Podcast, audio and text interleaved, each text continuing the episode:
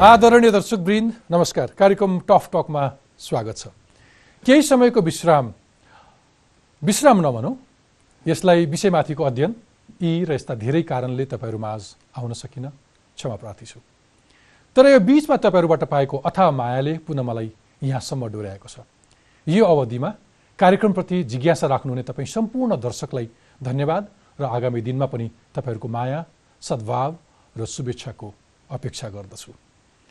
मैले सन् दुई हजार बाह्रमा टफटक सुरुवात गर्दा बनाएको मूल मन्त्र सार्थक छलफलको नयाँ संस्कारलाई बिर्सेको छैन। म टफटकमा आम जनता तपाईँहरूका प्रश्न सोध्ने गर्छु र त्यसको प्रष्ट उत्तर खोज्छु। विषयको अन्तर्वस्तुमा पुग्ने मेरो हर प्रयास रहनेछ। र आजदेखि टफटक हरेक बिहिबार राति नौ बजे हिमालय टेलिभिजनमा प्रसारण हुनेछ र तपाईँ यो कार्यक्रम युट्युब च्यानलमा पनि हेर्न सक्नुहुन्छ। दर्शकबिन आज मसँग दुईजना विशेष अतिथि हुनुहुन्छ। हरि बुढा मगर र विनोद बुढाथोकी मेरा धेरै दर्शकले सम्भवतः आज पहिलोपटक देख्नुहुने हरिजी र विनोदजी नेपाली समाजमा त्यति परिचित हुनुहुन्न। कतिले यो नाम पहिलोपटक सुन्दै हुनुहोला तर म विश्वस्त छु आज यस कार्यक्रममा देखेपछि उहाँहरूको कुरा सुनेपछि तपाईँ चाहेर पनि उहाँहरूलाई बिर्सन सक्नुहुन्न। मैले सुरुमा नै उहाँहरूलाई विशेष अतिथि भन्नुको कारण हो। आजका मेरा दुई अतिथिको भोगाई र साहस अलिक विशेष छ। भोगाई यस्तो छ कि सुन्दा हाम्रो आङ नै हुन्छ र साहस यस्तो छ कि देख्दा छाती फुलेर ठुलो हुन्छ। दर्शकबिन शिखरमा पुग्ने चाहना कसको नहोला अनि शारीरिक रूपमा फिट रही प्रतिस्पर्धामा खरो उत्रने चाहना कसलाई नहोला? अघिल्लो पटक मैले बेलायतको मेड्सनमा भेटेका यी दुई होनाहार नेपालीलाई आजको टफ टकमा निम्त्याएको छु। रोल्पाको पनि अति दुर्गम गाउँमा जन्मनुभएका हरि बुढा मगर उहाँको गाउँबाट प्रवेशिका परीक्षा त्यस बेलाको एसएलसी पास गर्ने पहिलो व्यक्ति हुनुहुन्छ। एघार वर्षको कलिलो उमेरमा विवाह गर्नुभएका मगर सन् उन्नाइस सय उनान्सय जनवरीमा ब्रिटिस आर्मीमा भर्ना हुनुभयो। आर्मी भएपछि मृत्युसँग नडराउनु त स्वाभाविक नै हो तर प्रतिस्पर्धामा र साहसिक काममा सधैँ खरो उत्रने मगरले जीवनमा अकल्पनीय वज्रपात बिहोर्नु भएको छ। अनि विनोद बुढाथोकी बेलायती सेनाका पूर्व राइफलम्यान। दुई हजार सत्रको ब्रिटिस ओपन एयरगन च्याम्पियनसिपमा द्वितीय र दुई हजार अठारको सोही प्रतियोगितामा प्रथम। विनोदले क्रोएसियामा दुई हजार सत्रमा सम्पन्न पहिलो अन्तर्राष्ट्रिय सुटिङ च्याम्पियनसिप र दुई हजार सोह्रको रियो प्यारा ओलम्पिक खेलमा समेत प्रतिस्पर्धा गर्नुभएको छ। हाल बेलायतमा आफ्नो व्यवसाय सञ्चालन गरिरहेका हरिबुढा मगर सगरमाथा चढ्ने चाहनालाई वास्तविकतामा परिवर्तन गर्न नेपाल आइपुग्नु भएको छ। त्यसै गरी विनोद बुढाथोकी पनि अहिले नेपालमै भएका बेला मैले दुवैलाई एकसाथ बोलाउने मौका छपेको छु। आउनुहोस् स्वागत गरौँ आजका मेरा यी दुई विशेष अतिथिलाई र सुनौ उहाँहरूको विशेष जीवन कथा हरिजी विनोदजी टफटकमा स्वागत छ। नमस्ते थ्याङ्क यू भेरी मच आरामै हुनुहुन्छ हजुर एकदमै। हरिजी सगरमाथा अलिक पछि चढ्छौँ हामी।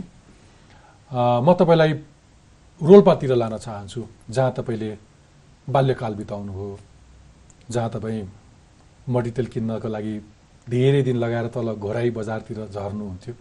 अलिकति त्यतिखेरको परिवेश सम्झिनुहुन्छ? हो। सास पनि रामै आउँछ। धेरै छन् बर्खे गोठमा जन्मेको। खाली खुट्टा आमाको च्यातेको लुङ्गी बर्को लाएर स्कुल गएको।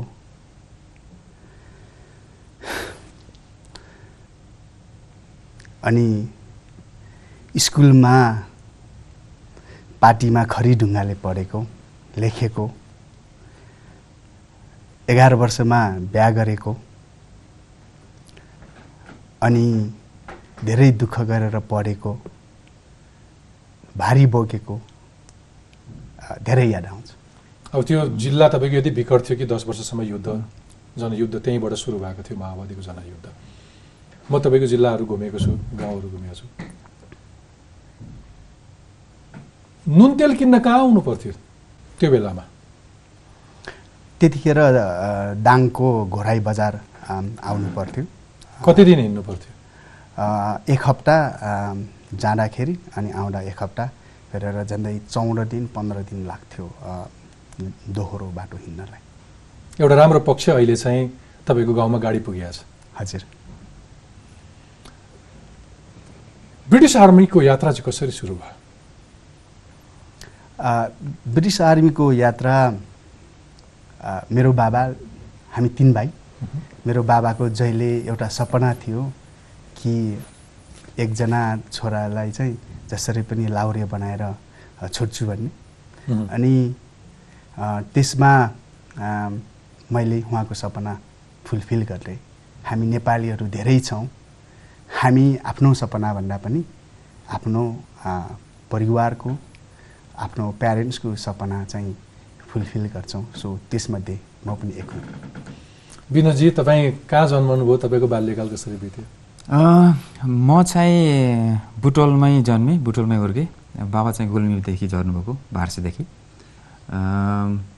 त्यहीँ हुर्केँ सबै पढाइहरू सबै त्यहीँ भयो। स्कुल कस्तो थियो? स्कुल लाइफ चाहिँ सानोमा चाहिँ चेन्ज जस गरियो तर पछि गएर घर नजिकै राम्रो स्कुल थियो। हाम्रो चाहिँ साइकलको यात्रा अलि बढी भयो। टाढा चाहिँ टाढै हुन्थ्यो तर साइकलमा साइकलको सुविधा थियो। साइकलमा चाहिँ साइकल चलाएर स्कुल चाहिँ निकै ब्रिटिस आर्मी बन्छु भन्ने चाहना चाहिँ कसरी पलायो किन पलायो? म एसएलसी दिएपछि प्लस टू आदिसम्म पढ्दाखेरि पनि त्यस्तो इच्छा थिएन।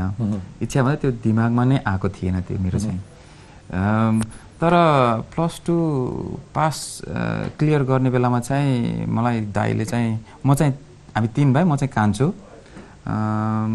दाईहरू पनि एकदम हार्डवर्किङ नै हुनुहुन्छ। सायद मभन्दा नि मिहिनेत गर्नुहुन्छ। अनि मलाई चाहिँ त जाने होस् भर्ती हुन भनेर मलाई सोध्नुभयो। बाबा पनि उतैको हुनुहुन्थ्यो मेरो चाहिँ। अनि मलाई यसो सोचे कि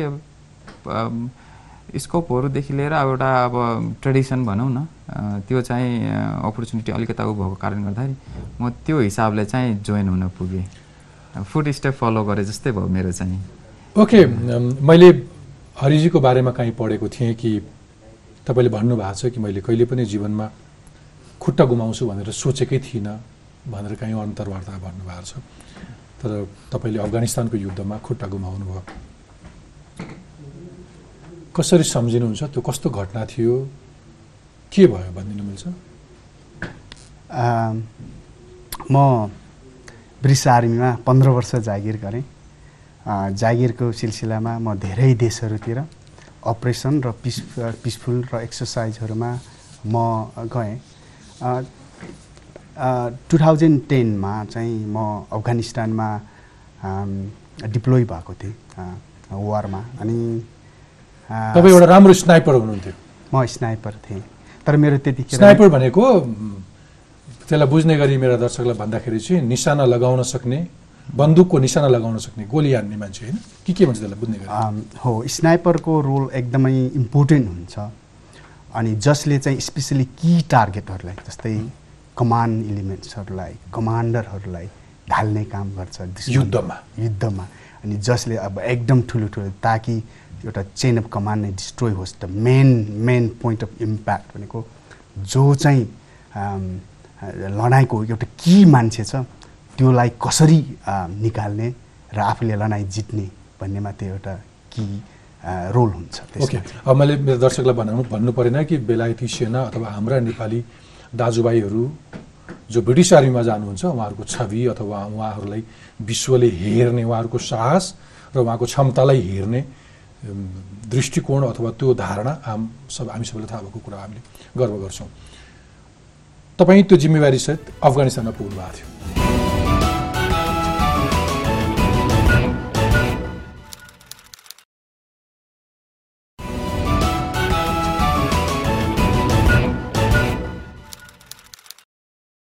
दर्शकलाई भनाउनु भन्नु परेन कि बेलायती सेना अथवा हाम्रा नेपाली दाजुभाइहरू जो ब्रिटिस आर्मीमा जानुहुन्छ उहाँहरूको छवि अथवा उहाँहरूलाई विश्वले हेर्ने उहाँहरूको साहस र उहाँको क्षमतालाई हेर्ने दृष्टिकोण अथवा त्यो धारणा हाम सब हामी सबैलाई थाहा भएको कुरा हामीले गर्व गर्छौँ। तपाईँ त्यो जिम्मेवारीसहित अफगानिस्तानमा पुग्नु भएको थियो अनि? त्यतिखेर मेरो त्यो जिम्मेवारी थियो। त्यतिखेर मेरो सेकेन्ड इन कमान्ड थिएँ म मेरो मल्टिपलको अनि हामी पन्ध्रजना जति थियौँ। र त्यसमा चाहिँ म गोर्खालीको सबभन्दा सिनियर थिएँ। मेरो माथि एकजना साप हुनुहुन्थ्यो। एकदमै भर्खर यङ साप आएर आउनुभएको थियो। अनि त्यो जिम्मेवारी लिएर म अफगानिस्तानमा गएको थिएँ। खुट्टा कसरी घुम्नु गुम गुम्यो अथवा तपाईँ गस्तीमा हिँड्दै गर्दा त्यो घटना अलिकति भन्नुहुन्छ? हजुर। Seventeenth April two thousand ten थियो। दिनको त्यस्तै तिन चार बजे थियो होला। हामी पेट्रोल बाहिर निस् थियौँ। एउटा चाहिँ हाम्रो हामी भर्खरै गएको थियौँ। त्यसैले चाहिँ एरियाहरू चिन्नु थियो। एउटा एउटा एउटा एउटा मिसन चाहिँ। अर्को मिसन भनेको हामी दुईवटा इन्जिनियर्सहरूलाई लगेर त्यो लोकल मान्छेहरूको त्यो इनार एकदम पुरानो भएर पानी नआउने थियो र त्यसलाई सर्वे गर्नु थियो हाम्रो दुईवटा मिसन। अनि हामी बाटोमा त्यो त्यो इनार भएको ठाउँतिर जाँदै थियौँ। हिँड्दै गर्दाखेरि हामी त्यसै चौबिस पच्चिसजनाको सङ्ख्या थियौँ। एउटा सिङ्गल फाइलमा एउटा लाइन लगाएर लाइन लागेर एउटै लाइनमा हिँडिराखेका थियौँ। म नौ दस नम्बरमा थिएँ होला। Something went. ब्याङ। त्यसपछि मेरो जिन्दगी सायद एक सेकेन्ड पनि लागेन होला चेन्ज हुनलाई। त्यसपछि के गर्ने? हामी ड्रिल आर्मीमा ड्रिल सिकेको हुन्छौँ। पहिले एक्सर्साइज नै त्यसको लागि गरेको हुन्छ। अनि कसको कान त्यतिखेर कसको रोल के हुन्छ भने के चाहिँ हामी जस्तै कसैले गोली हान्यो भने के गर्ने? जस्तै बम पट्क्यो भने के गर्ने? कोही इन्जुरी भयो भने के गर्ने? सब सिनारियो अनुसार चाहिँ हामी पहिले नै एक्सर्साइज गरेर गएको हुन्छौँ। सो म अ, ब्याङै पट्क्यो पट्किने बित्तिकै फर्स्ट कुरा चाहिँ मलाई चाहिँ सक भएँ देब्रे कानमा रेडियो थियो दाहिने कान चाहिँ खुल्ला थियो अनि कान बज्न सुरु गरेँ त्यसपछि अब बाँच्छु कि बाँच्दिनँ? भन्ने कुरा आयो। त्यसपछि एकछिनपछि चाहिँ साथीहरूले heli in ten ten minutes hey heli inbound in ten minutes भनेर भन्यो। त्यो भनेपछि दस मिनटमा चाहिँ अब हेली आउँछ भनेपछि ओहो अब त म बाँच्न सक्छु भन्ने कुरा आयो। त्यसपछि मैले चाहिँ सबभन्दा मेरो कमरेडहरूलाई मलाई एकदमै सम्झेँ। किन भनेपछि लडाइँमा परिवार हुँदैन। लडाइँमा परिवार भनेको साथीहरू हो। किनभने हामीले चाहिँ you watch my back I watch your back भन्ने कुरा हुन्छ। हामी साथी साथीमा यति साह्रो इम्पोर्टेन्ट हुन्छ कि त्यहाँनिर सेभ गर्ने तपाईँको साथी मात्र तपाईँ कमरेड मात्र कोही पनि हुँदैन सो म उहाँहरूको बारेमा धेरै सम्झेँ स्पेसली म जुनियरहरू मेरो एउटा रेस्पोन्सिबल म भर्खर आएको छु अब अब अब अब अब मेरो भाइहरूले अथवा मेरो दाजुहरू पनि हुनुहुन्थ्यो तर उहाँहरूले मैले कमान्ड गर्थेँ। अब के गर्नु होला? मलाई सबभन्दा त्यो त्यो आयो। त्यसपछि ए एउटा सेनाले तपाईँले टेक तपाईँले कुनै बम टेक्नुभयो? बम विस्फोट भयो? ब्याङ भन्नुभयो तपाईँले? अनि तपाईँको गोडा गइसकेको छ। तपाईँ तपाईँको कानको ड्रममा अचानक रन्कियो केही होइन? तर तपाईँ फेरि युद्धै सोचिरहनु भएको छ व्यक्तिगत तहमा चाहिँ सोचिँदैन। त्यो युद्ध त्यहाँबाट कसरी निस्किने भन्ने सोच त्यो रेस्पोन्सिबिलिटी हो। त्यहाँनिर अब के गर्ने भन्ने कुरा थाहा हुन्छ। सबै त दिमागमा के चाहिँ हाम हाम्रो माइ माइन्ड हामी सबकन्सियसली नै हामी त्यो एउटा सोचिरहेको छ। अब अब जस्तै म- इन्जुरी भएँ। अब चाहिँ सम्मान आएर मलाई फर्स्ट एड दिन्छ। त्यो थाहा हुन्छ। कसले आएर दिन्छ त्यो पनि थाहा हुन्छ त्यहाँनिर छेउछाउको। हामीलाई त्यो कम्प्लिटली थाहा हुन्छ। त्यसपछि कसले हेलिकप्टर बोलाउने कि?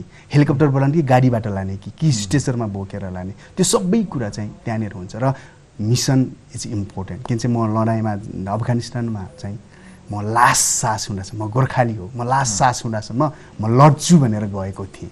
तर समथिङ वेन्ट रङ त्यसपछि तर त्यतिखेर दुश्मन नभएको बम मात्र पड्किएको कारणले र मेरो साथीहरूले मलाई बेलामा ट्रिटमेन्ट गरेको र बेला बेलामा चाहिँ हेलिकप्टर बोलाएर इभ्याकुएसन गरेको कारणले म बाँच्न पुगेँ। त ब्याङ भएर तपाईँ त्यहाँ ढल्नुभयो ढल्दाखेरि चाहिँ त्यतिखेरको अवस्था के छ? खुट्टा त्यतिखेरै गयो? ब्याङ भयो मेरो दाहिने कान चाहिँ बज्न टिङ गरेर बज्यो। त्यसपछि I found myself on the floor lying होइन? अनि यसो हेरेँ दाहिने खुट्टा हेरेँ। दाहिने खुट्टा थिएन त्यतिखेरै थिएन। दाहिने खुट्टा छैन? म फुल्ली कन्सियस थिएँ त्यतिखेर। ओके कहाँसम्म छैन? यो दाहिने खुट्टै छैन? दाहिने खुट्टा कम्प्लिट छैन घुँडानेरबाट छैन अनि रगत आउन सुरु गरेको थियो। रगत चाहिँ कस्तो हुँदो रहेछ भने हामी चाहिँ जस्तै हाम्रो हाम्रो जस्तै भेडा बाख्राहरूलाई काट्दाखेरि रगत छिरेर आउँछ नि। मलाई त्यस्तो लाग्थ्यो कि जस्तै हात कतैतिर काट्यो भने त्यस्तरी आउँछ होला। तर त्यस्तो नहुँदो रहेछ। जस्तै लहरालाई च्याप्प काटेपछि बिस्तारै चुइँदै आउँछ नि। त्यस्तो हुँदो रहेछ। मैले त्यो देखेँ। अनि देब्रे खुट्टा देखेँ। देब्रे खुट्टा त थियो तर हड्डी र नसा मात्र थियो। एकदम जिरा जिरा थियो। एकदमै जिरा जिरा होसमा हुनुहुन्छ? म कम्प्लिटली? होसमा थियो। पहिले दुखेन। पहिले चाहिँ कस्तो अलिकति चिमुतेको जस्तो मात्र भयो। तर पछि जब त्यो रगतलाई मेरो साथीहरूले आएर टर्निकेट बाँधेर रगत स्टप गर्नुभयो नि त्यसपछि दुखा एकदमै दुख्यो मेरो मुख सुक्दै गयो। म साथीहरूबाट क्यामेल ब्याक हुन्छ त्यहाँबाट मलाई पानी खुवाइदिनु भयो। साथीहरूको पानी सिद्धाइदिए पछि कुरा गर्नुहुन्छ त्यो। अनि मेरो हातमा पनि इन्जुरी भएको थियो। सो मैले हात चलाउन सकेन। हामीसँग पर्सनल मेडिकल किट हुन्छ। मेरो पर्सनल मेडिकल होस कतिखेरसम्म छ? म हेलिकप्टर सब चढ्दासम्म थियो। हेलिक पछाडि? हेलिकप्टर चढ्दा हजुर हेलिकप्टर चढ्दाखेरि मलाई अमेरिकनहरूले रेस्क्यु गरेको। त्यसमा चाहिँ फर्स्ट मास्क दियो। त्यसपछि मेरो कम्ब्याट ड्रेस थियो। रगतै रगत भएको कम्प्लिटली। अनि जब चाहिँ यहाँ काटिदिन लाग्नुभयो त्यसपछि म अर्को दिन बिहान क्याम्बासनमा हस्पिटलमा भिजेको। हस्पिटलमा होस आउँदाखेरि कस्तो कुन अवस्थामा हुनुहुन्थ्यो? हस्पिटलमा होस आउँदाखेरि चाहिँ यहाँदेखि तल चाहिँ सेतो ब्लाङ्केटले ढाकेको थियो। मेरो दाहिने हात चाहिँ प्लास्टर फुल प्लास्टरले झुन्डाएको थियो। अ, बायाँ हातमा चाहिँ तिन चारवटा निडल्सहरू थियो निडल्सहरू थियो। तर मेरो मुखमा कस्तो थियो मलाई थाहा थिएन। तर मलाई चाहिँ कस्तो फिल हुन्थ्यो भने यतिखेर पनि म लगेर लड्न सक्छु। त्यस्तो त्यस्तो फिल भएको थियो मलाई चाहिँ। तर जीवनमा कहिले पनि नसोचेको मानौँ। मैले तपाईँसँग भेटेपछि तपाईँसँग बेलायतमा हामी भेट्दा पनि कुरा गरेका थियौँ। मलाई पछिसम्म पनि त्यो दिमाग चलिरह्यो कि एउटा कुनै मान्छे हिँड्दै गर्दा हुन त तपाईँ युद्धमा होमिनु भएको एउटा सेना सिपाही त्यो अर्कै कुरा होला। तर आम मैले सोच्दाखेरि पनि हिँड्दै गर्दाखेरि अचानक मेरा दुइटै घोडाको मैले गुमाएँ वाट नेक्स्ट त्यसलाई त त्यसले मानसिक रूपमा त अत्यन्तै ठुलो कठोर प्रभाव पार गर्ला नि होइन। कसलाई सम्झिनुभयो त्यो बेलामा? घरका मान्छेहरू कसलाई सम्झिनुभयो परिवारको निकट कसैलाई सम्झिनुभयो? त्यो जब मलाई चाहिँ जो मेरो साथीहरू सम्झेँ त्यसपछि चाहिँ बल्ल परिवारहरू सम्झेँ। किनभने परिवारहरू सम्झेँ अनि परिवार सम्झेर चाहिँ सिम्पली मेरो मिसेस मेरो छोरा साढे एक वर्षको थियो अनि मेरो बाबा आमाहरू अनि भाइ भैया भाइ बुहारीहरू अनि सबै हुनुहुन्थ्यो। किनभने चाहिँ हामी एउटाको हामी नेपालीहरू एउटाको लाइफमा धेरै आत्मनिर्भर भएको हुन्छौँ। सो सम वेज मेरो त्यो केस थियो। सो म सम्झेँ। तर चाहिँ मलाई त्यहाँनिर स एउटा सब एउटा कुराले मलाई धेरै पटक रुवायो। त्यो कस्तो थियो भने कस्तो हुन्छ भने जस्तो गाथिस छोरा त्यस्तै फर्केर आइज भनेर भन्छन्। जब चाहिँ प्यारेन्ट्सहरूलाई आफ्नो छोराछोरी विदेशतिर जाँदा होस् अथवा कतैतिर जाँदाखेरि त्यो त हाम्रो त्यो एउटा आशिष त्यसरी दिन्छ नि। त्यसले चाहिँ मलाई अब म त्यसरी फर्किन नस सकेन। म जस्तो गएको थियो त्यस्तो मेरो बुढीको लागि हुन सकेन। मेरो बाबा आमाको लागि हुन सकेन र मेरो छोराछोरीको लागि हुन सकेन। त्यसले मलाई धेरै पिरोले धेरै पटक रुवायो। तर पछि दिमाग नै चेन्ज गर्नुपर्दो रहेछ त्यसको त्यो चेन्ज गर्नलाई। त्यो चाहिँ अक्सर यस्तो खालको काममा जानेहरू युद्धमा होमिनेहरू अथवा सेनामा प्रहरीमा जाँदाखेरि चाहिँ आम परिवारले दिने एउटा आशीर्वाद होला होइन? सग्लै फर्केलास्। त्यो हो हामी पल्टनमा बस्दा पनि हामी कहिलेकाहीँ जोक गरेर पनि भन्छौँ। त्यस्तरी चाहिँ जस्तो गाथिस त्यस्तै फर्केर आइज। अथवा समथिङ मेरो अङ्ग मेरो शरीरको कुनै अङ्ग गुम्यो भने चाहिँ बरु मलाई त्यही मारले मारिदिनु भन्ने कुरा चाहिँ अर्को चाहिँ मलाई नेपाली समाजमा मलाई असाध्य चित्त नबुझ्ने चाहिँ कुनै एउटा मान्छे बिरामी भयो भने भेट्न आउने मान्छेहरूले झन् निराशा ओहो हेर यस्तो भएछ। अत्याइदिने कि? कसै जस्तो कुनै शरीरको अङ्ग गुम्दा ओ अब अब हेर त यसले कसरी गरी खाने होला। अत्याइदिने कि? त्यो सहानुभूति देखाएको होला तर अलिक साहस दिने भन्दा पनि। होइन एउटा बिरामी भेट्न गयो हस्पिटलमा भने पनि यस्तै रोग फलानालाई लागेर ऊ बित्यो। फलानु यस्तो भयो भनेर भन्ने कथा सुरु हुन्छ न कि उसलाई गेट वेल सुन अथवा त्यस्तो कुनै ऊ छैन भने जस्तै। अरू परिवारका मान्छेहरू अथवा अरू समाजका मान्छेहरूले कति धेरै हौसाए अथवा ऊर्जा दिए अथवा त्यस्तो सामाजिक रूपमा कति सजिलो गाह्रो भयो? फिजिकली त हामी लाउरे हौ। सम वेज हामी मोटिभेटेड भएको थियौँ। हामी त्यसरी नै गएको। त्यो भएर चाहिँ हामीले फिजिकल एडप्टेसन धेरै सजिलोको हामी डे बाई डे गरेर रिहेबिलिटेसन्सहरूतिर सक्यौँ। तर सबभन्दा हार्डेस्ट पार्ट नै त्यो हो। हार्डेस्ट पार्ट नै मेन्टली सोसियली पनि एडप्ट हुनुपर्दो रहेछ हेर्नुहोस् अनि जस्तै मलाई बाहिर जान्थ्यो पार्टीतिर जान्थ्यो जस्तै बजारतिर जान्थ्यो अनि नेपाली कोही स्पेसली अलिकति ओल्डर जेनेरेसन्सको बाबा आमाहरू बाजे बजेहरूले चाहिँ यो बिचरा खुट्टा गएछ यसको त अब यसले कसरी खान्छ? अब त्यो त्यो त हामीलाई भन्ने कुरा त भएन अगाडिपट्टि। तर चाहिँ ओहो हाम्रो त्यो साइडमा के? कस्तो? ओहो योलाई पनि रमाइलो गर्नुपर्ने। घरमा नबसेर किन आएको होला यसलाई दुःख भयो होला त्यस्तो हुन्छ। त्यस्तो त्यस्तो भन्नु नजान्थ्यो एनिवेज विनोदजी तपाईँको घटना के थियो? अलिकति बताइदिनु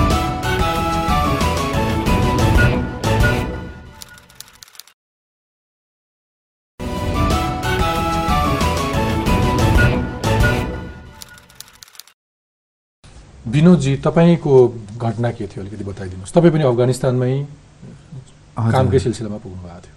हो हामी दुवैजना एउटै अपरेसन टुरमा हो। हरि दाजु चाहिँ मभन्दा झन्डै दुई महिना अगाडि इन्जुर हुनुभयो। म एराउन्ड टुरको हाफ वेमा हुँदाखेरि इन्जुर भएँ। अफगान चाहिँ मेरो सेकेन्ड टुर थियो। टु थाउजन्ड सेभेन एटमा एक्चुली गएको थिएँ। सेकेन्ड टु थाउजन्ड टेनमा म चाहिँ इन्जुरी हुन पुगेँ। म इन्जुरी हुँदाखेरि चाहिँ मैले चाहिँ लिड गरेर हिँडेको थिएँ आफ्नो मल्टिपललाई अनि यो चाहिँ मैले लिड गरेर हिँडेको थिएँ। त्यो जुनमा चाहिँ मैले सबै एरियाहरू क्लियर गरिदिनु पर्ने थियो मेरो काम चाहिँ। क्लियर गर्दाखेरि कुलो कुलोमा पस्ने समयमा चाहिँ मैले प्रेसर प्याड आइडी जुन इम्प्रोभाइज एक्सप्लोजिभ डिभाइस भनिन्छ आइडीमा टेक्न पुगेँ। विनोदजी शरीरको खुट्टै नरहिसकेपछि मनमा के के कुरा आउँदो रहेछ? निकै अब चाहिँ लाइफ कम्प्लिटली गाह्रै हुन्छ होला। अरूमा डिपेन्ड भएर बस्नुपर्ने हुन्छ होला। भन्ने फिल चाहिँ आयो सिधै मलाई चाहिँ। अनि मलाई चाहिँ मेरो मिसेसको पनि एकदम चिन्ता लाग्यो। त्यसमा चाहिँ ऊ प्रेग्नेन्ट थियो त्यतिखेर। अनि ओभियसली आमा बाबा भन्ने त झन् उहाँ त झन् प्रायोरिटीमै पर्नुहुन्छ उहाँ त झन् आफ्नो भगवानै हुनुहुन्छ आमा बाबा। मिसेस आमा बाबा लगायत त्यसपछि बल्ल अन्य फ्यामिलीहरूको बारेमा चिन्ता लाग्यो। तर अब अब चाहिँ लाइफ अरूको अरूमा डिपेन्ड भएर बाँच्नुपर्छ भन्ने चाहिँ त्यो मोर चिन्ता। एउटा म कसैको लागि भार हुने पो हो कि भन्ने त्यो चिन्ता चाहिँ भइरहेको तर एउटा सम्भवतः एउटा बलियो सङ्गठन थियो अघि हरिजीले भने जस्तै त्यहाँबाट फेरि नयाँ सुरुवात गर्नलाई सङ्गठन थियो भलै सामाजिक मानसिक रूपमा गाह्रो भए पनि एउटा संस्था थियो नि त ब्रिटिस आर्मी भन्ने संस्थाले तपाईँलाई टेक केयर त गर्यो होला। तर त्योभन्दा त्यस पछाडिको अगाडिको यात्रा कति सहज थियो? हाम्रो चाहिँ रिह्याब हुने बेलामा चाहिँ रिहेबिलिटेसनको समयमा चाहिँ गाह्रो हुन्थ्यो। डेफिनेटली किनकि त्यसमा एकदमै बिजी भइन्थ्यो त्यो रिह्याब नै। यति टाइट स्केजुअल हुन्छ कि एकदमै बिजी हुन्थ्यो। तर त्यो बिजी भएको समयको बिचबिचमा चाहिँ हामीलाई एडभेन्चर एक्टिभिटिजहरू चाहिँ एकदमै धेरै मात्रामा गराइन्थ्यो। अथवा धेरै त्यो फोर्सफुल्ली होइन कि भोलिन्टियरली यस्तो यस्तो एडभेन्चर छ भनेपछि हामी। त्यो एडभेन्चरहरूले गर्दाखेरि पनि यो डिप्रेस हुने कुरालाई चाहिँ अलिकता कम हुनमा मद्दत गर्यो अनि फर्दर अरू अगाडि केही गर्नुपर्छ अनि हामीले आफै गर्न सकिन्छ भन्ने मनोबलहरू चाहिँ बिस्तारै बढाउँदै गयो। म हरिजीकोमा जान चाहन्छु यो त आज केही भएर भोलिपल्ट निस्किने कुरा थिएन। तपाईँ दुई हजार दसमा खुट्टा गुमाउनु भयो। अफिसियली अथवा मेडिकली तपाईँ डिस्चार्ज हुँदाखेरि दुई हजार चौध भएको थियो। हजुर। अलमोस्ट चार वर्षसम्म तपाईँ ट्रिटमेन्टमा हुनुहुन्छ। थेरापिजहरू त आजसम्म पनि चलिरह होला थेरापिजहरू एक्सर्साइजहरू त्यहाँबाट नयाँ यात्रा सुरु गर्नलाई अथवा फेरि समाजमा आएर अहिलेको यो अझ मलाई चाहिँ यो सकारात्मक हिसाबमा भन्दा अहिलेको उपद्रो जस्तो लाग्छ। सकारात्मक रूपमा तपाईँलाई यो यो शब्दलाई अन्यथा नसम्झियोस् कि तपाईँले के गर्नु भएको छ अहिले हामी क्रमसँग आउँला आउँला। त्यति अल्को पिक चढिसक्नु भएको छ। आकाशबाट हाम फाल्नुहुन्छ। कस्तो कस्तो स्किङहरू गर्नुभएको छ स्काई डाइभ गर्नुहुन्छ अवार्ड जित्नु भएको छ तपाईँले आर्चरी? आर्चरी। आर्चरीमा तपाईँले गोल्ड मेडल जित्नु भएको छ। उपद्रो जस्तो लाग्छ सगरमाथा चढ्ने योजना। मैले त्यसलाई रमाइलोसँग भने। तपाईँको यो साहस मलाई एकजना मित्र बेलायतका साथीले तपाईँसँग अन्तर्वार्ता गर्ने भनेपछि पृथ्वीजी उहाँले चाहिँ उहाँको साहस देख्दाखेरि चाहिँ हामी सबैलाई बडो गजबको मोटिभेसन हुन्छ। त्यस्तो साहस मैले कम मान्छेहरूमा देखेको छु। हरिजी चाहिँ हाम्रो साहस साहसिक एउटा मान्छेको एउटा बिम्ब जस्तो लाग्छ भनेर भन्दै हुनुहुन्थ्यो। त्यो साहसहरू जुटाउन कति सजिलो गाह्रो भयो तपाईँलाई त्यो घटनापछि? धेरै गाह्रो भयो। मेरो सोच्ने सक सक सोच सोच्ने तरिका नै मैले चेन्ज गर्नुपर्ने अवस्था। समझ मैले चेन्ज गर्ने अवस्था मैले आफैले चेन्ज गर्नुभन्दा पनि फोर्सफुली चेन्ज गर्नु पऱ्यो मैले त्यो त्योहरू चाहिँ। धेरै धेरै स्ट्रगल गरेँ धेरै कुराहरूमा। किन चाहिँ म मैले मैले सधैँ भनेर छु म कहिले पनि यो खुद दुईवटा खुट्टा हराउँछु म मर्छु होला भनेर त म गएको थिएँ। तर म कहिले पनि यो दुइटै खुट्टा जान्छ भनेर म कहिले सोचेको पनि थिइनँ द बियोन्ड माई इमेजिनेसन चाहिँ। त्यसपछि खुट्टा गयो। मैले आई लस्ट एभ्रिथिङ विनोद भाइले जस्तो अगाडि इन्डिपेन्डेन्टको कुरादेखि त्यस्तो मैले त्यो सोचेँ। धेरै कुरा अब के गर्ने होला? जिन्दगी बर्बाद भयो। अब धरतीको भोज भएर बस्छन् भन्ने कुरा सुनेको थियो। अब त्यस्तै भइने भयो। भनेर म चाहिँ धेरै त्यो त्यो धेरै रुमलिरहेँ त्यस त्यसमा। सम पोइन्ट म धेरै रक्सी खान पुगेँ। त्यो खानुको कारण थियो एउटा डिप्रेसन हो। तर मैले होला। तर मैले खानुको कारण चाहिँ एउटा कुरा चाहिँ धेरै दुखाइहरू धेरै थियो। त्यो मनको दुखाइ अब फिजिकल दुखाइहरू थियो। अर्को चाहिँ इमोसन्सको कुरा दुखाइहरू थियो। तर त्यो अनि मैले त्यो रक्सी खानुको कारण चाहिँ मेरो एउटा इमोसन्स र पेनलाई कन्ट्रोल गर्नलाई मैले त्यो खाएँ। अनि एक दिन मलाई कस्तो लाग्यो भने अब यसरी गयो भने त सिधै मरिन्छ। ठिकै छ म मरेँ त ठिकै छ मरेर गइसक्यो गयो। तर म मरेर गए त छन् नि मसँग मप्रति निर्भर हुने होइन? मेरो मेरो मिसेस छ मेरो छोराछोरी छन् ब्याक इन मेरो एक्सटेन्डेड फ्यामिली छ।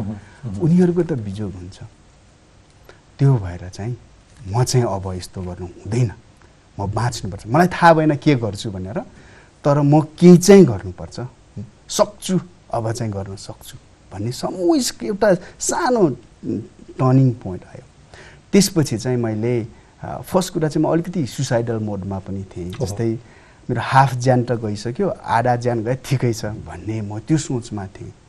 अनि त्यतिखेर चाहिँ अगाडि हाम्रो विनोद भाइले त्यो त्यो त्यो स्पोर्ट्सको अनि एडभेन्चरको कुराहरू आउँदा एउटा स्काई डाइभिङ गर्ने भन्ने कुरा आयो भोलिन्टियरी अनि मैले आर्मीमा पनि गरेको थिएन। त्यसैले ठिक छ म जान्छु र गर्छु भनेर गएर जे परे पर्ला होइन? अनि पन्ध्र हजार फिट आकाशमा गइयो। त्यसपछि त्यहाँबाट हाम फाल्यो। एकदम डर लाग्यो सुरुमा। तर चाहिँ के चाहिँ हो भने चाहिँ जब भुइँमा सेफली ल्यान्डिङ भइसकेपछि ओहो। यो दुईवटा खुट्टा नभएको मान्छेले पनि त गर्दो रहेछ त। मलाई अलिकति कन्फिडेन्स आयो लाइफमा। जब त्यो कन्फिडेन्स आइसकेपछि म अरू धेरै एडभेन्चर्सहरू अरू धेरै स्पोर्ट्सहरू गरेँ र र अहिले अहिले मलाई सबै जुन कन्फिडेन्स छ त्यो कन्फिडेन्स मलाई स्पोर्ट्स र एडभेन्चरले दिएको जस्तो लाग्छ। र अनि कन्फिडेन्सको कुरा चाहिँ मलाई कस्तो लाग्छ भने त्यो कन्फिडेन्स भनेको यसो म्याजिक स्टिक हल्लाएर किचिङ गरेर आउँदैन। यो स्ट्रगल एक्सपिरियन्सले आउँदो रहेछ। सुरुमा म इक्जाम्पल दिन्छु। सुरुमा मलाई खाना खान सक्दैन थिएँ। किन चाहिँ यो हात पनि बाँध्दै थियो एउटा हात खाना खानु खाना पनि साह्रो पर्छ। एउटा हातले खाना खान। त्यसमा पनि सबै पिन्स निडल्सहरू राखिदिएको छ होइन खाना साह्रो। अ, जस्तै ब्रस गर्नलाई कपडा लाउनलाई टोइलेट जानलाई। अनि त्यो कुराहरू चाहिँ वान बाई वान एकदम सिम्पल सानो कुरा हो। तर दिस इज सो इम्पोर्टेन्ट जिन्दगीमा। एकैपटक अनि त्योले चाहिँ जस्तै एउटा काम गऱ्यो भने कन्फिडेन्स अँ आई आई डिड इट होइन? अर्को काम गऱ्यो यस आई डिड इट होइन? त्यसपछि चाहिँ yes I can look after myself त्यसरी भनेर मात्र बल्ल जिन्दगीमा कन्फिडेन्स आउँदो रहेछ। विनोदजी तपाईँलाई अहिले सरकार संसारले बिल्कुलै फरक तरिकाले चिज छ तपाईँको आफ्नो आफ्नै आइडेन्टिटी छ। ब्रिटिस आर्मीको पहिलेको पूर्व राइफलम्यान तर दुई हजार सत्रको ब्रिटिस ओपन एयर च्याम्पियनसिपमा सेकेन्ड हुनुभयो। एटिनमा फर्स्ट हुनुभयो। क्रोएसियामा पार्टिसिपेट गर्नुभयो अन्तर्राष्ट्रिय shooting championship two thousand seventeen र सिक्सटिनमा होइन? हजुर हो। अनि तपाईँको अर्को उपद्रो चाहिँ मैले यसलाई रमाइलोको लागि भने काठमाडौँमा मजाले गाडी चढाएर हिँडिरहनु भएको छ। काठमाडौँको ट्राफिकमा गाडी चलाउन अम, सग्लो मान्छेलाई पसिना पसिना हुन्छ। मानसिक रूपमा बडो तनाव हुन्छ। हामी धेरै ठुलो कुरा गर्छौँ तर हामी सडक अनुशासनहरू फलो गर्दैनौँ। राम्रै सुट टाई लाउनेहरू पनि। आत्तिन्छौँ हामी सबलाई हतार छ। कति सजिलो गाह्रो भयो यहाँसम्म आइपुग्नलाई। तपाईँलाई मैले यो पटक पटक दोहोऱ्याएर यस्तो प्रश्न किन सोधिरहेको छु भने यो यो यो साहसिक यात्रा जीवनको साहसिक यात्रा अथवा तपाईँहरूले तपाईँहरूसँग भएको त्यो एउटा प्रेरणा त्यो ऊर्जा मेरा दर्शकलाई प्राप्त होस् मलाई प्राप्त होस् हामीलाई प्राप्त होस्। कहिले पनि नथाकौँ कसै कसैले कुनै पनि अवस्थामा नहारोस्। जस्तो सुकै आधा शरीर घुम्दा पनि कुनै मान्छे सङ्घर्षबाट हार्दैन पछि हट्दैन भन्ने एउटा सन्देश जाओस् भन्ने हिसाबले तपाईँहरूलाई मैले विशेष अतिथिका रूपमा यो सिरिजको पहिलो अङ्कको रूपमा निम्ता गरे आउँ। कति सजिलो थियो विनोदजी त्यस पछाडि अगाडि बढ्न। गाह्रो त एकदम डेफिनेटली गाह्रो थियो। तर हाम्रो त्यो स्पोर्ट्स मलाई चाहिँ एकदम स्पोर्ट्सले जसरी अ, मेरो इन्जुरीलाई चाहिँ रिकभर गर्यो। रिह्याबमा अ, सहयोग गर्यो कन्फिडेन्स बढाउन मद्दत गर्यो। हामी स्काई डाइभिङ ब्याथलन साइक्लिङदेखि धेरै कुराहरू हरिदाई र म चाहिँ सँगै गऱ्यौँ स्पोर्ट्सले चाहिँ एकदम कन्फिडेन्स चाहिँ धेरै बढाएर रिकभर बलियो पनि बनायो मेन्टल्ली फिजिकल्ली त्यो गर्यो अनि मैले नर्मल्ली कहिलेकाहीँ चाहिँ मान्छेहरूलाई चाहिँ देख्दाखेरि चाहिँ कस्तो लाग्छ भने एउटा अलिकता डिसेबल भएको मान्छेले गर्न सक्छ भने पक्का सध्य मान्छे भनौँ न होइन हुँ, हुँ। म त तपाईँले यो एबल एबल बडी अलिकता जस अम, अ, सक्षमले त सक्षम अब जस सबै सक्षम छौँ सनतै र कसरी बडी युज गरौँ? उहाँ चाहिँ झन् धेरै कुराहरू गर्न सक्छ होइन। अम, के भन्छ यो अम, भएको जिन्दगीमा चाहिँ अलिकता राम्रै काम गरौँ। अ, आफ्नो लागि र वरिपरिको लागि पनि राम्रै काम गरौँ भन्ने कुराहरू त्यो त्यो मेरो मनमा छ कि। अनि गाडी गाडी चलाउने कुरामा चाहिँ मलाई मलाई चाहिँ गाडी चलाउन रहर लाग्छ पक्का। यहाँ अटोमेटिक गाडी पाउन अलिक गाह्रो रहेछ नेपालमा। तर अहिले चाहिँ जस अटोमेटिक पायो भने पनि तपाईँको एक्सिलेरेटर र तपाईँको क्लचको लागि त दुईवटा खुट्टा चलाउनै हजुर। तपाईँहरूको जुन बेलायतमा मैले हेरेको थिएँ. दुईजना गाडी हजुर। जो हातमा निर्भर छ खुट्टामा निर्भर छैन अथवा खुट्टा बिना स्पेसल डिजाइन छ तपाईँहरूको आफ्नो गाडी। हरिजीले त मलाई ड्राइभै गर्नुभयो। हो यो गाडीको विषयमा चाहिँ मलाई आफैले म्यानुअली बनाउनु भयो। न, यसो तान्नेर ठेल्ने। फलामको रडले अनि सानो मसँग चाहिँ पोर्टेबल ह्यान्ड कन्ट्रोल छ। त्यो मैले लक गर्छु र हजुर। अनि लक नेपालको गर्छु। लाइसेन्सले चाहिँ त्यो अलाउ गर्छ कि अ, मिल्दैन म बाहिरकै लाइसेन्स चलाउनु पर्छ हजुर। ट्राफिकहरूले सुने भने र अर्को पालि तपाईँलाई भेट्यो भने अ, भेट्नु भएको छ। होइन। भेट्नु भएको छ मैले बसालेर पनि चलाएको छु। उहाँ अलि सरप्राइज हुनुभयो मलाई देखेर। अनि पछि मैले चलाएको देखेपछि उहाँ पनि ढुक्क हुनुभयो। अ, केही भन्नु भएन। अनि त्यसपछि मैले धेरै क्वेसन गर्ने कुरा नि भएन। किनभने किनभने जसरी म यो घोडा चलाउँछु अथवा घोडा चलाउँछु भनेर मेरो मस्तिष्कले जब कमान्ड गर्छु अब उठाउँछु भनेर भनेपछि यो यसरी उड्छ र झर्छ। तपाईँहरूको त यो बाँकी त। यन्त्र हो। यो मस्तिष्कको कनेक्सन छैन नि होइन? छैन छैन। सेन्सर छ त्यसको। टेक्निक्सहरू छ होला। टेक्निक छ तर कस्तो हुन्छ भने मैले भर्खर चाहेर यो खुट्टालाई मैले माथि लग्छु तल ल्याउँछु भनेर त्यो मेरो हुँदैन। मेरो दिमागले यो चलाउँदैन। यो चाहिँ उभिएर हिँड्दाखेरि चाहिँ त्यो टेक्निक छ। गाह्रो डेफिनेटली हुन्छ फिजिकल्ली मेन्टल्ली गाह्रै हुन्छ। तर यो सिस्टम यसरी बनाएको छ कि हिँड्दाखेरि त्यति गाह्रो भएन होला। नर्मल राम्रोसँग हिँडेको जस्तो देखिन्छ। तर फिजिकली चाहिँ गाह्रो त आइडिया के भने ड्राइभिङ त्यति सजिलो छैन। हजुर हजुर। ड्राइभिङ चाहिँ एडभेन्चरको रूपमा पनि हुन्छ खुट्टाले चाहिँ चलाउन मिल्छ तर म रेकमेन्ड गर्दिनँ। ओके हरिजी अब सगरमाथा चढौँ निकै समय बिताइसक्यौँ। सगरमाथा कसरी चढौँ भने तपाईँले सगरमाथा चढ्ने तयारी गर्दै हुनुहुन्छ। पैँसठी सय मिटरभन्दा माथिको हिमाल चढ्नलाई नियम थिएन। सरकारले प्रतिबन्ध लगाएको थियो। त्यसमा पनि दुवै खुट्टा होइन? हजुर। दुवै खुट्टा घुँडाभन्दा माथिसम्म नभएका डबल इम्प्युटी अबभ द नि होइन? त्यो त्यो अपाङ्गता भएका मानिसहरूलाई हिमाल चढ्न रोकै थियो। तपाईँको सगरमाथा चढ्ने चाहनाले तपाईँ जेनेवासम्म पुग्नुभयो। तपाईँले यो अन्तर्राष्ट्रिय धारणालाई च्यालेन्ज गर्नुभयो र तपाईँले अहिले अनुमति प्राप्त गर्नुभएको छ सगरमाथा चढ्नलाई। कहाँ पुगेछ तयारी?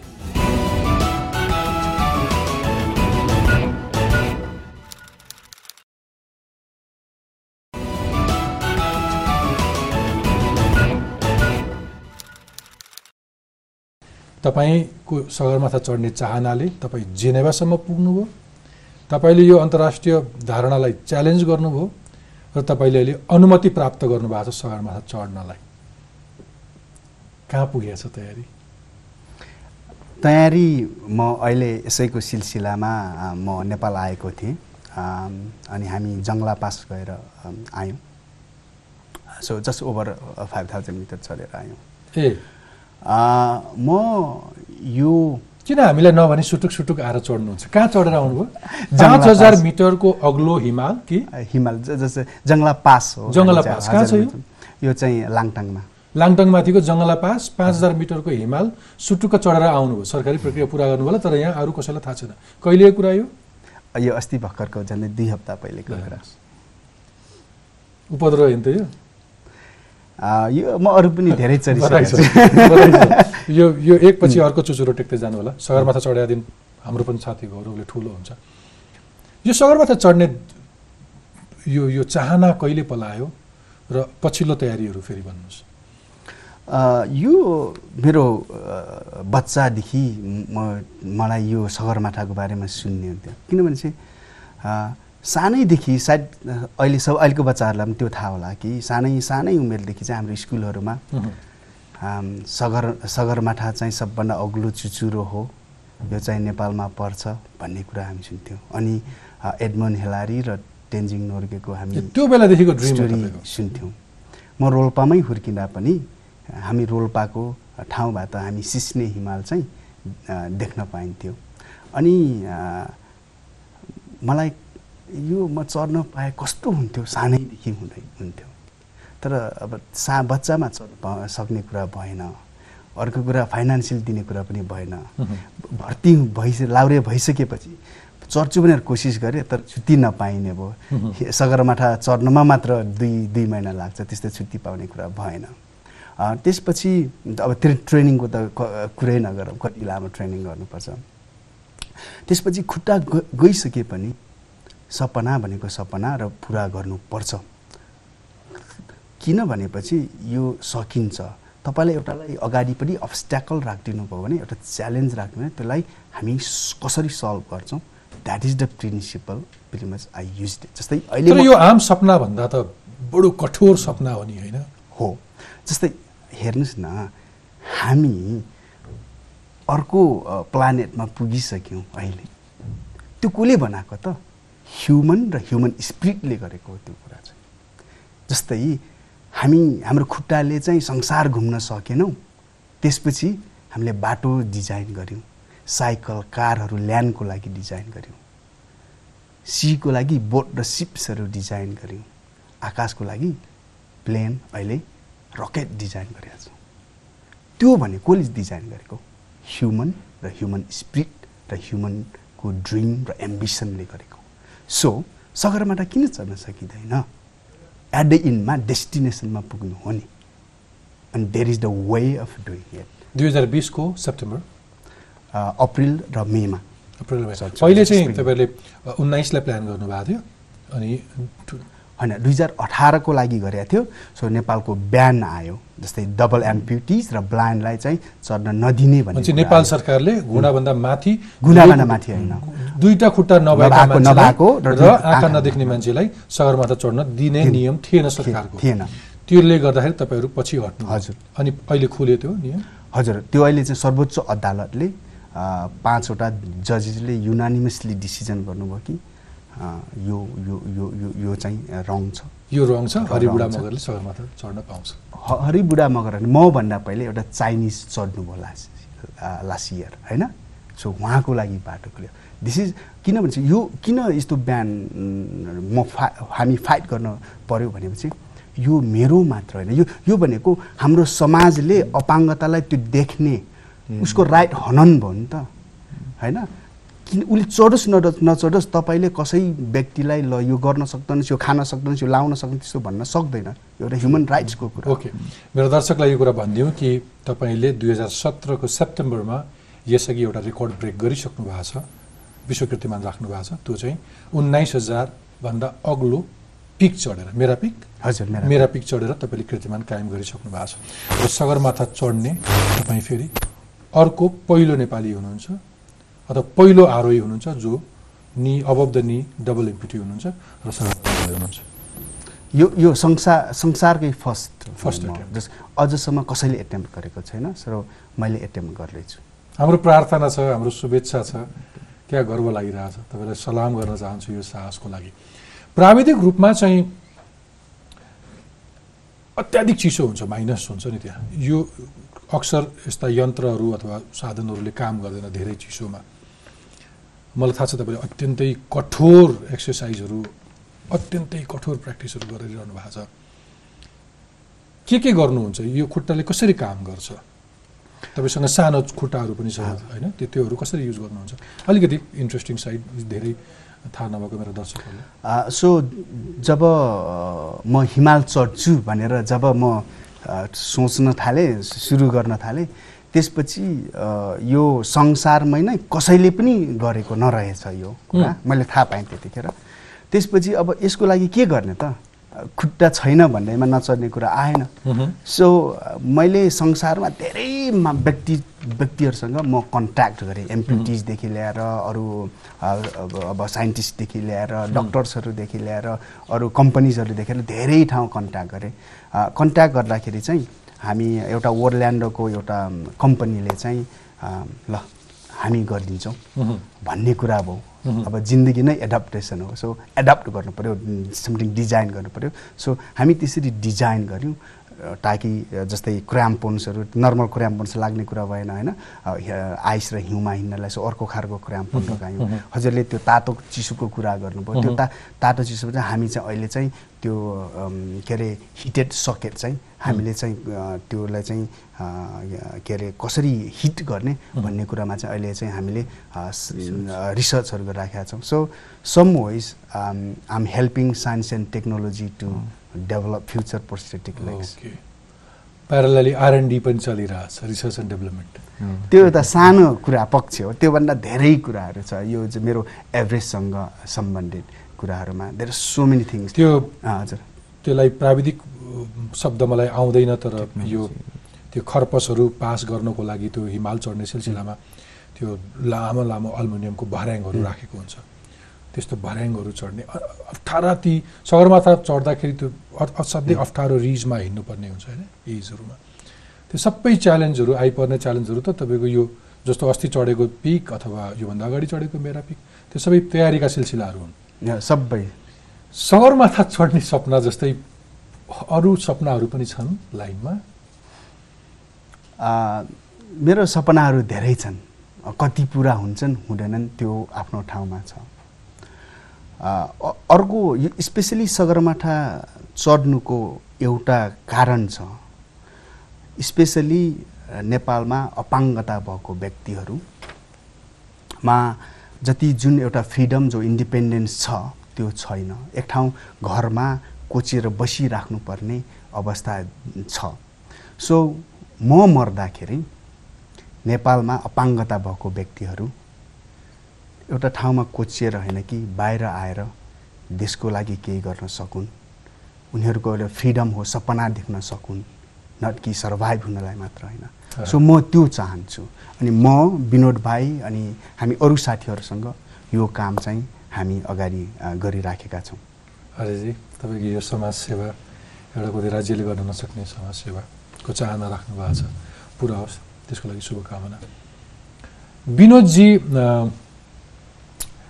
तपाईँको पनि इन्ट्रेस्टिङ छ ब्याकग्राउन्ड्सहरू हेर्दाखेरि बडो रमाइलो लाग्छ। संसारले एक किसिमले चिन्छन् होइन? अरू सपनाहरू के के छन् तपाईँका? मेरो मेरो एउटा सपना ओभियसली अब युकेमा चाहिँ खाना लाउन ठिक्क पुग्छ। तर कस्तो भन्दाखेरि युकेमा जति राम्रो विदेशमा भनौँ न जति राम्रो गरे पनि त्योभन्दा बेटर नेपालमा आएर थोरै मात्र पनि राम्रो गऱ्यो भने चाहिँ त्यो अर्कै खालको गर्व फिल हुँदो रहेछ मनमा चाहिँ। त्यो चाहिँ मलाई एकदमै भित्रबाट हुन्छ।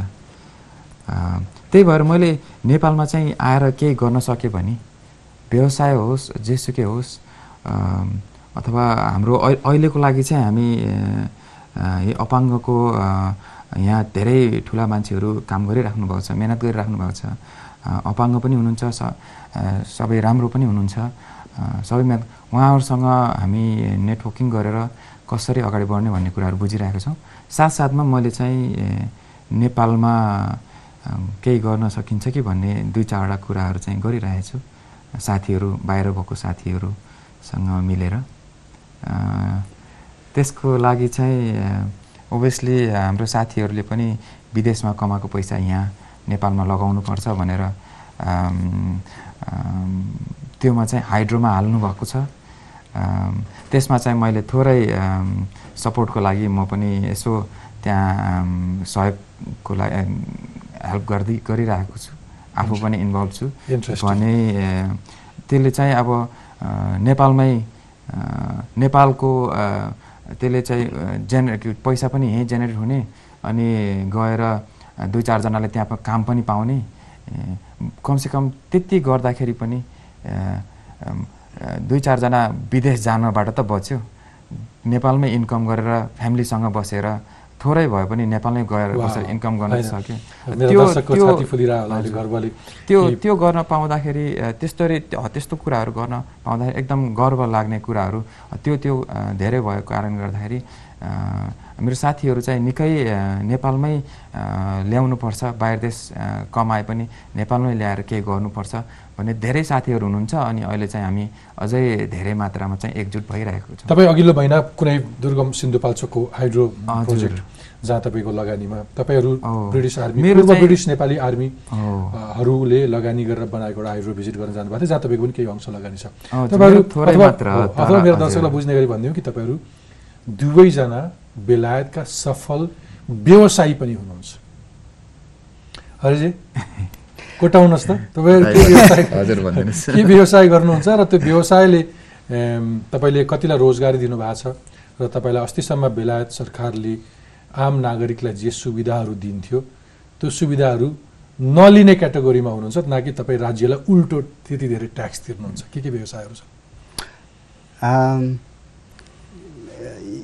यस्तो कुरा चाहिँ मान्छे चाहिँ हामी अब कस्तो भन्छ हामी फिजिकली सर्भाइभ भयौँ तर फिजिकली सर्भाइभ भएर मात्र नपुग्दो रहेछ।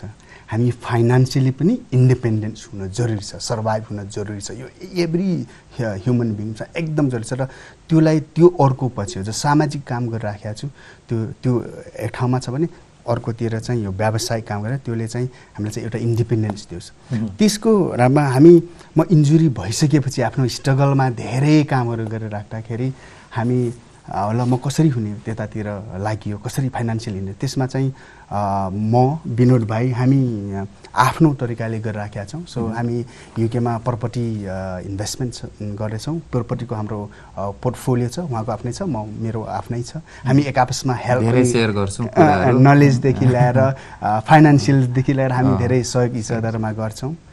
त्यस साथसाथै म जस्तै म घर चाहिँ अक्सनमा गएर मैले किन्छु। एउटा टिभी प्रोग्राम बिबिसी होमन र ह्यामरमा पनि मेरो एउटा प्रोग्राम थियो। त्यो कसरी किनेर बनाएर कसरी भाडामा दिएको भन्ने कुरा थियो। अनि त्यसको साथसाथै जस्तै म अहिले होलिडे लेट्सहरू गर्छु जस मच प्रपर्टीको सम्बन्धी जस्तै डेभ सान्तिनो म डेभलपमेन्ट्सहरू पनि गर्छु अनि धेरै कुराहरू गर्छु। तर म अहिले मोर फोकस्ड अन एभरेस्ट किनभने यो भनेको यो यो चाहिँ एकदम योले धेरै कामहरू गर्न सक्छु। एडिनमा पैसा जति भए पनि नपुग्दो रहेछ एक दिन मरेर जानै पर्छ। सो अनि अर्को कुरा चाहिँ म पन्ध्र वर्ष जागिर गरेँ। भाइ हामी दुइटाले लामो जागिर गऱ्यौँ। हामी त्यो बेलायतको लागि दियौँ। हाम्रो खुट्टा पनि दियौँ। अबको केही समय हामीले नेपाललाई दिनुपर्छ भनेर हो, हामी एकदमै फिल गर्ने कुरा। जसरी विनोदजीले हाइड्रोजहरूमा यहाँको हाइड्रो प्रोजेक्टहरूमा पैसा आफ्नो कमाइहरू लगानीहरू गर्नुभएको छ देशमा केही एक्टिभिटिजहरू त्यस्तो तपाईँको पनि अघि भने जस्तो समाज सामाजिक कामहरू भइरहेको छ अरू के के छ अहिले म इन- अ, ने अब नेपालमा कसरी लामो समय बस्न सकिन्छ भन्ने हिसाबले म हेरिराखेको छु। त्यसमा चाहिँ अब हाम्रो एउटा गोर्खा ग्रुप छ। गोर्खा ग्रुपबाट स्पेसली अहिले एजुकेसन र हेल्थमा हाम्रो इन्भेस्टमेन्ट छ। अनि अर्को चाहिँ रिडी ग्रुपसँग म म हाम छ सय सातजना सेयर होल्डर्सहरू हुनुहुन्छ र म त्यसमा छु र म एकदम वान अफ द स्ट्रङली काम गरिराखेको छु त्यसमा। हाइड्रोमा बाहिर हामी सँगै पनि छौँ अलिकति कति कुरामा। गाह्रो गाह्रो रहेछ। निकै गाह्रो छ। हाम्रो साथीहरूले जागिरै छोडेर पनि काम गर्नुपर्छ यहाँ हाइड्रोमा। उहाँहरू चाहिँ त्यति साह्रो हाइड्रोको नेपालमा के गर्नुपर्छ भनेर त्यति साह्रो एउटा मातृभूमिको माया भएको हाइ पक्का जबै छोडेर पनि आउनुभएको छ। उहाँहरूले त्यस्तो त्यस्तरी मिहिनेत गरेपछि हामी त अब डेफिनेटली सक्ने त गर्नु पऱ्यो त्यो कारणले गर्दाखेरि पनि हामी निकै धेरै कुराहरूमा इन्भल्भ भइरहेका छौँ। हजुर। हरिजी तपाईँलाई जाँदा जाँदै केही भन्नु छ? म कार्यक्रमको पुछारतिर आइपुगेँ।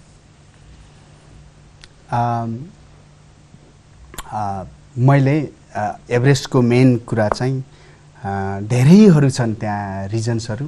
मेरो म यहाँनिर भनेर साध्य पनि छैन किन त्यो गर्ने भन्ने कुरा। त्यसमा चाहिँ एउटा कन्क्युरिङ ड्रिम्स वेबसाइट छ त्यसमा फलो गर्नु होला अ, म युके गएपछि त्यो रिब्रान्डिङ हुनेछ। सायद कन्क्युरिङ ड्रिम्स नै हुन्छ होला। अम, त्यो स्पेसली एभरेस्ट गरेर मैले चाहिँ अ, जति पनि नेपाल र नेपालीलाई एउटा विश्वमा चिनाउनु छ र विश्वमा एउटा प्राउड गराउनु छ। सो मेन म त्यही भन्न चाहन्छु र I hope one day I will make everyone proud Vinod ji तपाईँको केही आह्वान छ? मेरो चाहिँ अहिलेको लागि चाहिँ नेपालमै आएर केही गर्ने कुराहरू विचार छ मेरो। अहिले आइरहेको पनि छु। म फेरि फेरि कन्टिन्युसली नै आउँछु।